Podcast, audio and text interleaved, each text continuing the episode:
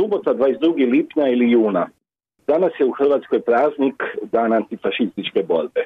Ovim se praznikom obilježava dan kada je 1941.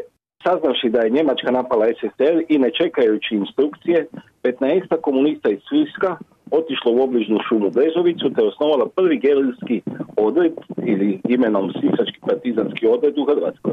Odred je kasnije imao ukupno 77 boraca. Već sutradan po osnutku odred minira nedaleku prugu, što je bila prva oružana akcija antifašističkog otpora u Hrvatskoj. Svečanosti koje su se organizirale diljem zemlje nisu prošle bez incidenta. U Sinju je u centru grada odana počast poginulim borcima Narodno-oslobodilačkog rata i žrtvama fašističkog terora, Sinja i Cetinske krajine. No prije ceremonije je do spomenika došao jedan muškarac, izvadio spolovilo, urinirao i o svom pothvatu pod navodnicima napravio selfie mobitelom. Poslije toga je otišao do svog vozila i glasno pustio neke od pjesama Marka Perkovića Thompsona. Kad je valjda bio uvjeren da je obavio sve što je trebao, sjeo je u automobil i udaljio se. To je nažalost hrvatska stvarnost. Sutradan je policija pronašla počinitelja i podnijela protiv njega prekršajnu prijavu. Ja sam danas prijateljima vozio bicikl po Vukomeričkim goricama, dovitom pojasu 20 km južno od Zagreba, u kojem su od jeseni 1942. pa do kraja rata bile stacionirane relativno snažne partizanske jedinice. Moj otac je kao partizan potkraj 43. u jednoj akciji stigao još bliže, na 12 km do Zagreba. Tako sam ja kao ponosni antifašist obilježio antifašistički praznik. Nedelja 23. lipnja juna.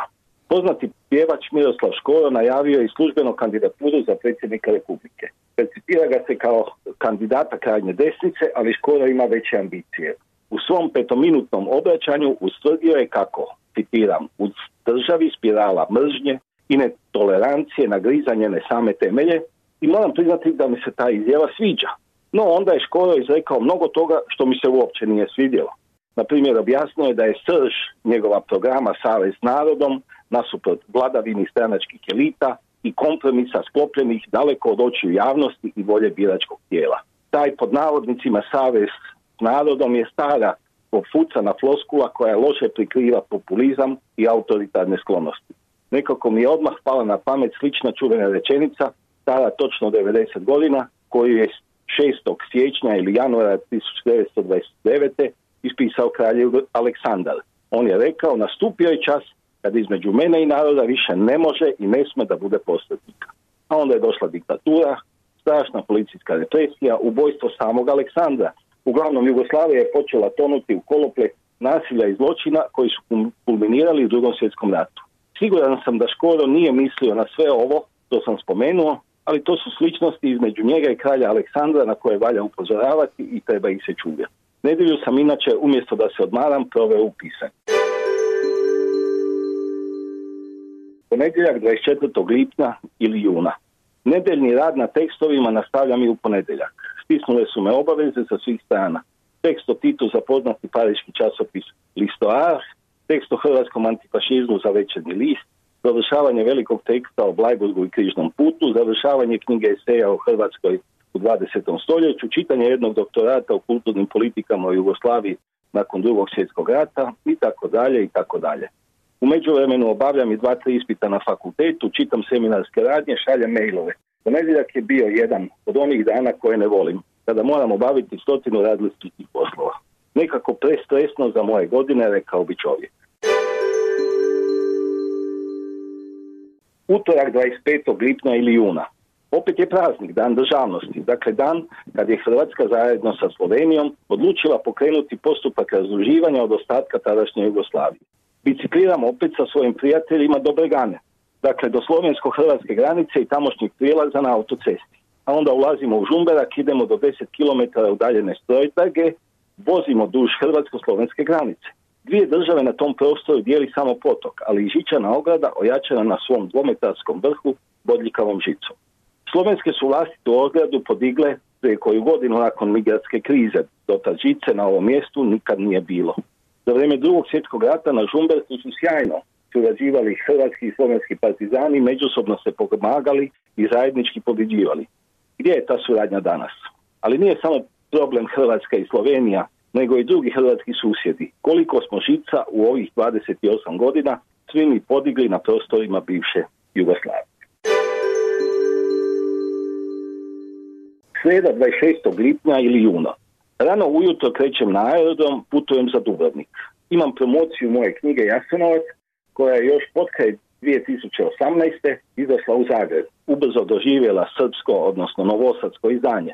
U međuvremenu je organizirano desetak promocija u Hrvatskoj, Sloveniji, Srbiji, Bosni i Hercegovini. Neke od tih promocija bile su sjajne.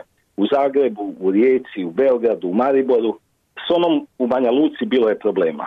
U Dubrovniku je također bilo izvrsno. U organizaciji Dubrovačke organizacije antifašista skupilo se dosta ljudi, govori promotora bili su odlični, primjereni. Zapravo treba reći nešto o Jasenovcu.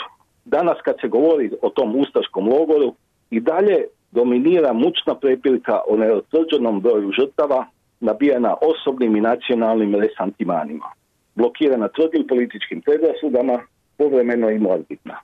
Neodgovorno preuveličenim brojevima žrtava nastoji se dokazati da je Jasenovac bio golema tvornica smrti za Srbe, Židove i Rome, koja se po svojim razmjerima pretvara u optužnicu protiv jednog, odnosno protiv dva naroda koje se optužuje za genocidnost. S druge strane, zataškavanjima i prešućivanjima sugerira se slika Jasenovca uglavnom kao radnog logora i pravno zasnovane ustanove za internaciju dokazanih protivnika režima, time se direktno rehabilitira genocidna politika Ustaške NDH. Ja sa svoje strane nastojao sam se odmaknuti od te diskusije od tih revizionista, jedne i druge strane.